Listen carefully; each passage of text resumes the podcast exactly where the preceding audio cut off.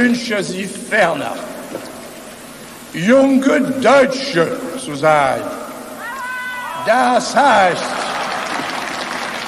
das heißt, Kinder eines großen Volkes, jawohl, eines großen Volkes, das manchmal im Laufe seiner Geschichte große Fehler begangen hat.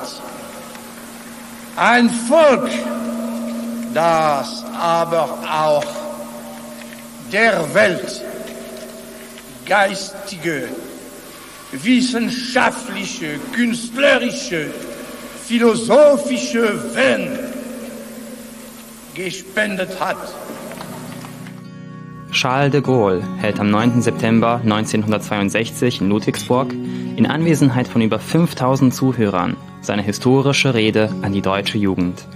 Es ist das erste Mal seit Ende des Krieges, dass ein fremdes Staatsoberhaupt verkündet, die deutsche Jugend könne stolz darauf sein, die Jugend eines großen Volkes zu sein. Diese Geste ist umso bedeutender, als dies der 18. Präsident der Französischen Republik ausspricht, das Staatsoberhaupt des jahrhundertelangen Erbfeindes. Seine auf Deutsch gehaltene Rede ist ein Vorbote der lang ersehnten Aussöhnung zwischen den zwei Nationen. Am 22. Januar 1963 wird dann der Élysée-Vertrag unterzeichnet. Ein Abkommen, unterzeichnet von Adenauer und de Gaulle, durch das sich beide Regierungen dazu verpflichten, sich regelmäßig auszutauschen, sich in Fragen der Außen-, Europa- und Verteidigungspolitik abzusprechen und einen intensiven Jugendaustausch zu ermöglichen.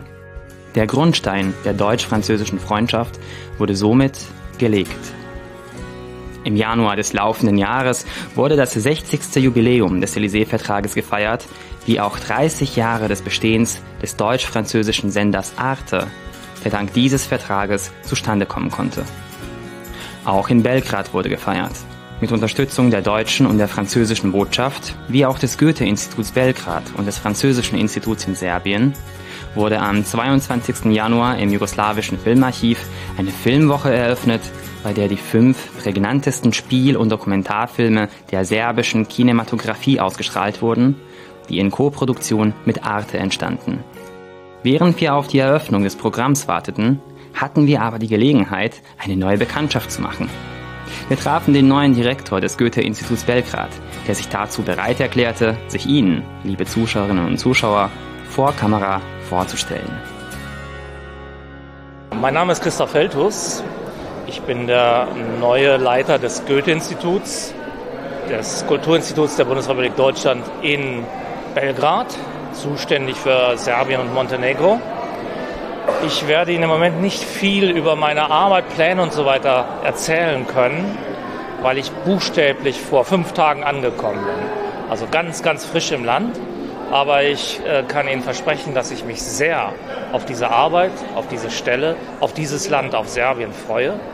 Ich habe mich ein bisschen vorbereitet. An der Sprache muss ich noch arbeiten. Josh Slave Goverimsevski. Deswegen würde ich es hier erstmal dabei belassen, Ihnen viele Grüße nach Novi Sad auszurichten. Bei der Eröffnung wandten sich unter anderem der Direktor des jugoslawischen Filmarchivs, Jugoslav Pantelic, und Regisseure einiger der sich im Programm befindenden Filme an die Anwesenden.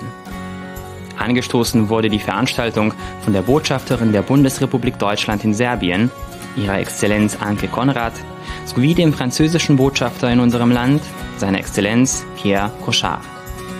Beide betonten in ihren Reden die Bedeutung des Élysée-Vertrags. Worin sehen Sie die Wichtigkeit äh, des Élysée-Vertrages? Warum ist dieser Vertrag so besonders? Ähm, die Wichtigkeit erschließt sich einfach aus dem Fakt, dass Deutschland und Frankreich über viele Jahre etwas waren, was man im Deutschen als Erbfeinde bezeichnet. Das heißt, auch gerade nach dem Zweiten Weltkrieg war eigentlich nur schwer vorzustellen für Menschen auf beiden Seiten des Rheins, dass man überhaupt normal miteinander redet, geschweige dann auch noch freiwillig zusammenarbeitet. Und ich glaube, ähm, dass der Élysée-Vertrag dann zustande gekommen ist, äh, das ist wirklich sehr viel politische Weitsicht gewesen. Das ist auch das Verständnis gewesen, dass man wenn der politische Wille da ist, dass man es wieder schafft, zusammenzukommen. Und ich finde, das ist ein großes Geschenk, nicht nur für Deutschland und Frankreich gewesen, sondern auch ein Geschenk für Europa. Denn Feindschaft zwischen einzelnen Staaten hat immer auch Auswirkungen auf alle anderen. Und natürlich hoffen wir, dass der Élysée-Vertrag, der 60 Jahre alt wird, auch ähm, Ansporn sein kann oder vielleicht einen Impuls geben kann für, für andere Zwiste, die leider immer noch in Europa bestehen. Glauben Sie, dass es auch hier auf dem westlichen Balkan ähnliche Abkommen geben kann? Ich glaube ganz fest daran, Deutschland glaubt ganz fest daran und deswegen unterstützen wir auch die, die Bemühungen und Anstrengungen des EU-Sonderbeauftragten Leitschak zusammen äh, mit dem US-Sondergesandten Escobar, äh, dem, der deutsch-französischen Initiative. Und wir hoffen natürlich, dass es möglich sein wird, zu einer Normalisierung und dann auch zu einem Zusammenkommen äh, zu gelangen. Wie sehen Sie die deutsch-französischen Beziehungen heute und wäre das ohne einen solchen Élysée-Vertrag überhaupt möglich gewesen? Ähm, die deutsch-französischen Beziehungen sind sehr eng sind sehr eng, natürlich auch äh, unter den besten Freunden. Man streitet sich mal, es gibt neue Herausforderungen, auf die man erst gemeinsame Antworten finden muss. Aber ich glaube, äh, das Wort vom Motor, vom deutsch-französischen Motor auch für Europa stimmt weiterhin. Und der Élysée-Vertrag hat hat ja letzten Endes aufgebaut auf dem, was sich in den Jahren nach dem Krieg so langsam entwickelt hat. Man ist aufeinander zugekommen.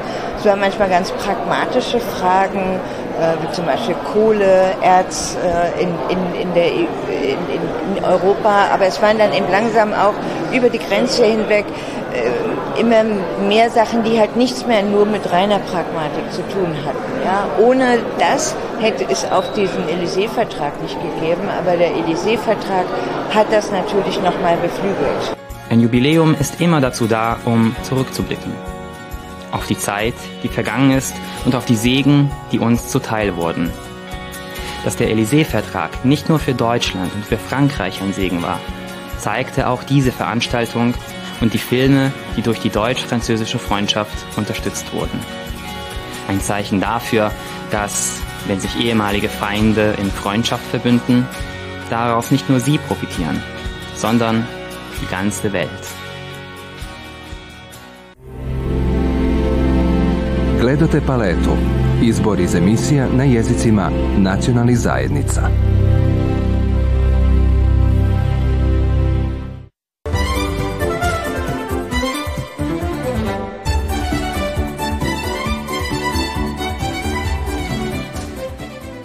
Liebe Schwester, tanz mit mir, beide Hände reich ich dir. Einmal hin, einmal her, rundherum, das ist nicht schwer. Einmal hin, einmal her, rundherum, das ist nicht schwer. Wir befinden uns in der Stadtbibliothek in Novi Sad. Mit uns ist die Bibliothekarin Sanja Arbutina und zu Gast sind hier heute die Schülerinnen und Schüler aus der Grundschule Dositej Obradovic und auch ihre Deutschlehrerin. Was ist der Anlass? Uh, vor allem möchte ich alle Anwesenden und Zuschauer begrüßen, und zwar in, uh, im Namen der Abteilung Anica Savic-Rebac der Stadtbibliothek in Novi Sad. Ähm, wir verfügen über eine große Menge von Büchern äh, in zwölf Fremdsprachen. Mit Hilfe dieser Abteilung äh, verwirklicht äh, Stadtbibliothek in Novi Sad die äh, auswärtige Zusammenarbeit. Wir sind jederzeit äh, bereit, Kreativität und Leseinitiative zu unterstützen. Ähm, liebe Deutschlehrerin, Jasmina und liebe Schüler äh, der Grundschule Dositej Obradovic. Ich heiße Sie willkommen bei uns. Frau Kovacevic, wie ist es dazu gekommen, dass Sie Ihre Werkstatt hier in der Stadtbibliothek organisieren? Äh, hier herrscht vor allem eine sehr angenehme Atmosphäre. Äh, außerdem bemühen wir uns, eine sehr gute Zusammenarbeit äh, mit der Stadtbibliothek zu pflegen. Äh, da steht uns eine große Anzahl von deutschen Büchern zur Verfügung und aus diesem Grund sind wir eigentlich hierher gekommen. Und was haben Sie eigentlich vorbereitet? Äh, Im Monat Februar jedes Schuljahres äh, findet bei uns im Deutschunterricht eine Kreativwerkstatt zum Thema Valentinstag statt. So war es auch in diesem Jahr und wir haben diesen Tag ein paar Stunden gewidmet. Äh, am Workshop waren Schüler aus den sechsten, siebten und achten Klassen beteiligt. Äh, die Schüler äh, hatten äh, Gelegenheit, in lockeren Gesprächen ihre Sprachkenntnisse spielerisch zu vertiefen und zu verbessern, sowie mehr über den Valentinstag in den deutschsprachigen Ländern zu erfahren. Meine Schüler und ich haben eigentlich unseren Unterricht mit amüsanten Sprüchen und Weisheiten bereichert und nach eigener Kreativität in entspannter Atmosphäre äh, Poesiealben gestaltet. Äh, der Valentinstag bietet einen besonderen Schreibanlass im Deutschunterricht und die Schüler versuchten äh, während des Workshops eine Liste von Zusammensetzungen mit dem Wort Liebe zu erstellen. Äh, so zeigten die Schüler, dass sie die deutschen Wörter in ihrer vollen Bedeutung angeeignet haben. Sie sprachen, lachten und fühlten auf Deutsch. Das Wichtigste war natürlich gute Laune. Liebe Schwester, tanz mit mir, beide Hände reich ich dir. Einmal hin, einmal her, rundherum, das ist nicht schwer. Einmal hin, einmal her, rundherum, das ist nicht schwer. Poesiealbum ist eine Art Freundschaftsbuch, Symbol für Freundschaft und Austausch. Heutzutage ist es besonders bei Kindern und Jugendlichen beliebt. Poesiealben können Geschenk für eine geliebte Person sein. Zwei Tauben am Dach, drei Rosen am Bach, die liebe ich so sehr, aber dich viel mehr. Es ist keine Kunst, ein Mädchen zu verführen, aber ein Glück, eines zu finden, das es wert ist, verführt zu werden. Zwei Seelen, ein Gedanke, zwei Herzen, ein Schlag. Das ist die wahre Liebe, die ich im Herzen trage. Blau ist der Himmel, grün ist der Wald, auf ein Wiedersehen hoffe ich bald.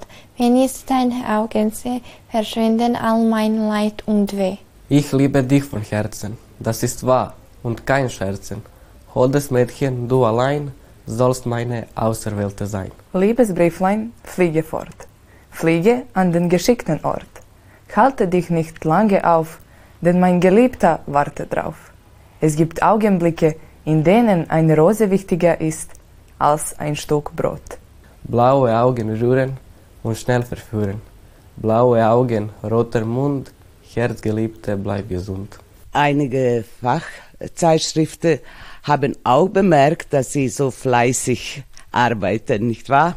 Genau, unsere äh, Aktivitäten haben Anerkennung sowohl in der Fachzeitschrift Prosvetni Preglet als auch in der Kinderzeitschrift Neven gefunden. Einmal hin, einmal her, rundherum, das ist nicht schwer.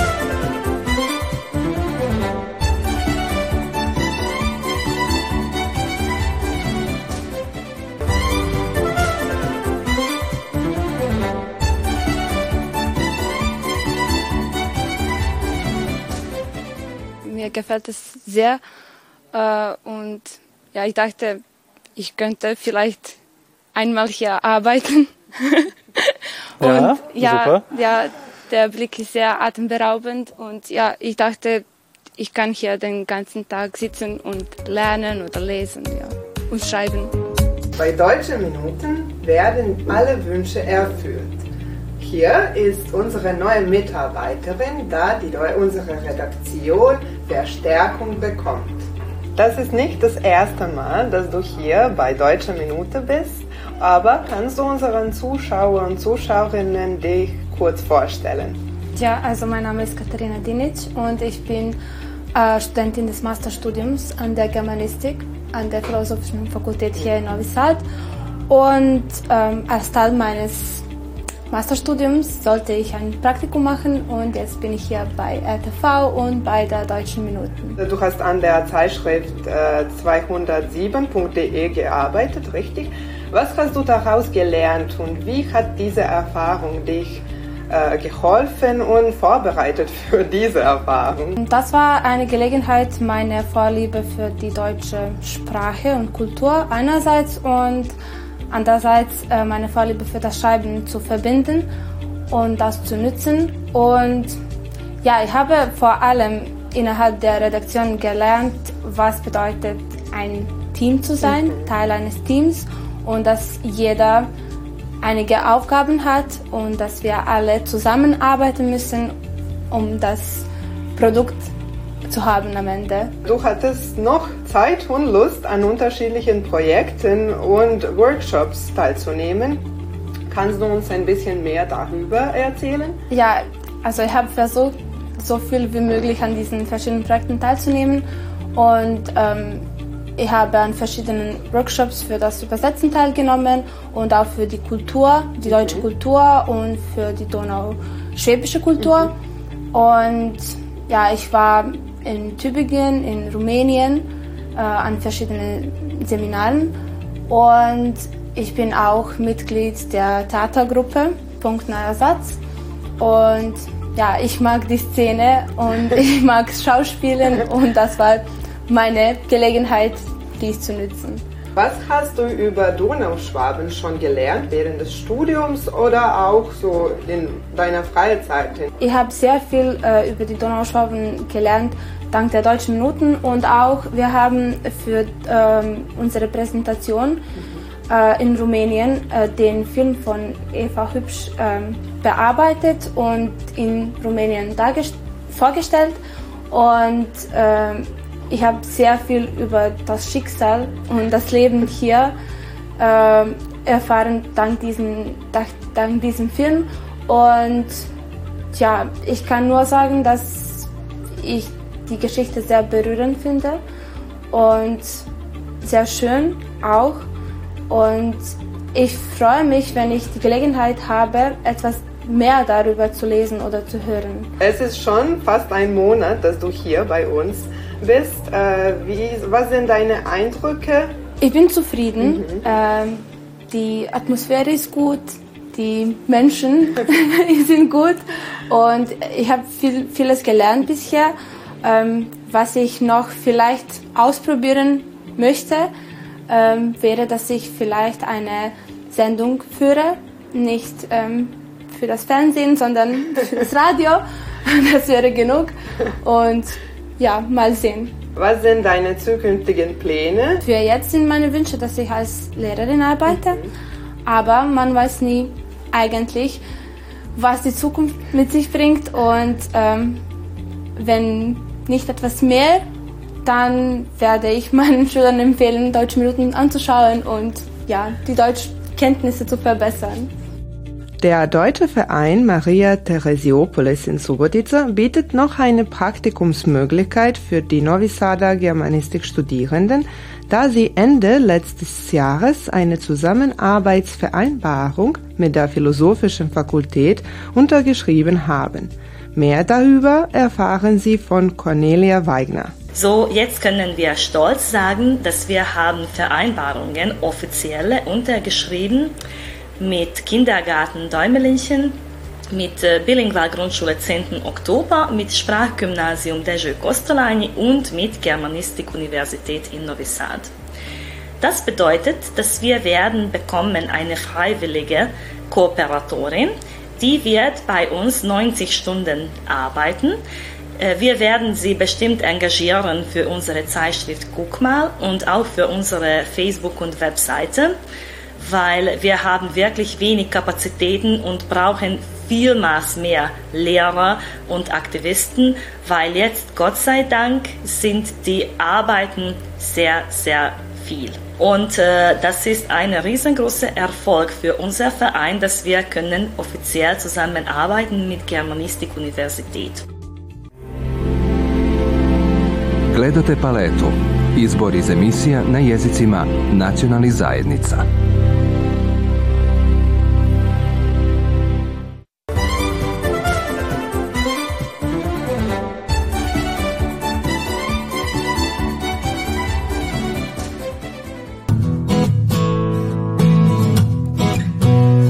Über 300 Jahre lebten die Donauschwaben in einem bunten Mosaik mit den anderen Völkern der Vojvodina. Zwar verblassten bis heute viele Spuren dieser Minderheit, Einige Individuen ergreifen aber dennoch die Initiative und versuchen, ihr historisches und kulturelles Erbe wiederzubeleben. Die Deutschlehrerin in der Grundschule in Chennai setzte sich in erster Linie als Ziel, den Projektunterricht zu fördern. Als Ausgangspunkt dafür wählte sie das Thema Donauschwaben. Also in diesem Konzept habe ich eine Möglichkeit gesehen, bei meinen Schülern verschiedene Kompetenzen zu entwickeln, die ihnen später in der Berufswelt helfen werden, wie zum Beispiel Teamfähigkeit, Verantwortungsbewusstsein oder Zeitplanung. Äh, es ist auch wichtig zu erwähnen, dass unsere Lehrpläne seit vielen Jahren kompetenzorientiert sind und ähm, der Projektunterricht ist deswegen eine ähm, relevante Unterrichtsform, würde ich sagen. Der Hauptgrund, warum ich mich für dieses Thema entschieden habe, war die Tatsache, dass äh, meine Schüler in einer multikulturellen Umgebung aufgewachsen sind, aber sehr und aufwachsen, aber sehr wenig äh, von der deutschen Kultur wissen. Und äh, wir haben dieses Projekt Ende letzten Jahres organisiert, als Novi Sad die europäische äh, Kulturhauptstadt war. Ich wollte die Gelegenheit nutzen, mich mehr mit dem Thema Kultur und Thema Donauschwaben zu beschäftigen. Und mein Ziel war eigentlich, dass meine Schüler eine andere Perspektive von der deutschen Kultur bekommen und sie äh, als Teil ihrer eigenen Kulturidentität beobachten. Nach erfolgreicher Vorbereitung folgte im November und Dezember 2022 die Umsetzung des Projekts. Insgesamt 13 SchülerInnen der 8. Klasse nahmen teil und bildeten drei Gruppen mit drei verschiedenen Themenschwerpunkten. Geschichte, Sprache und Küche. Mein Name ist Todor. Unser äh, Thema war die Geschichte der Donauschwaben. Und was war für dich am interessantesten? Gruppenarbeit äh, war äh, für mich am interessantesten. Auf dem Plakat werden viele Merkmale deutscher Geschichte, äh, Kultur gezeigt. Ihre Aussiedlung, äh, Wappen, Häuser. Was habt ihr dazu gelernt? Ich habe gelernt, dass Donauschwaben sehr lange äh, mit uns im äh, Frieden gelernt haben. Ich bin Valentina und unser Thema war Sprache. Und was hast du Neues dazugelernt?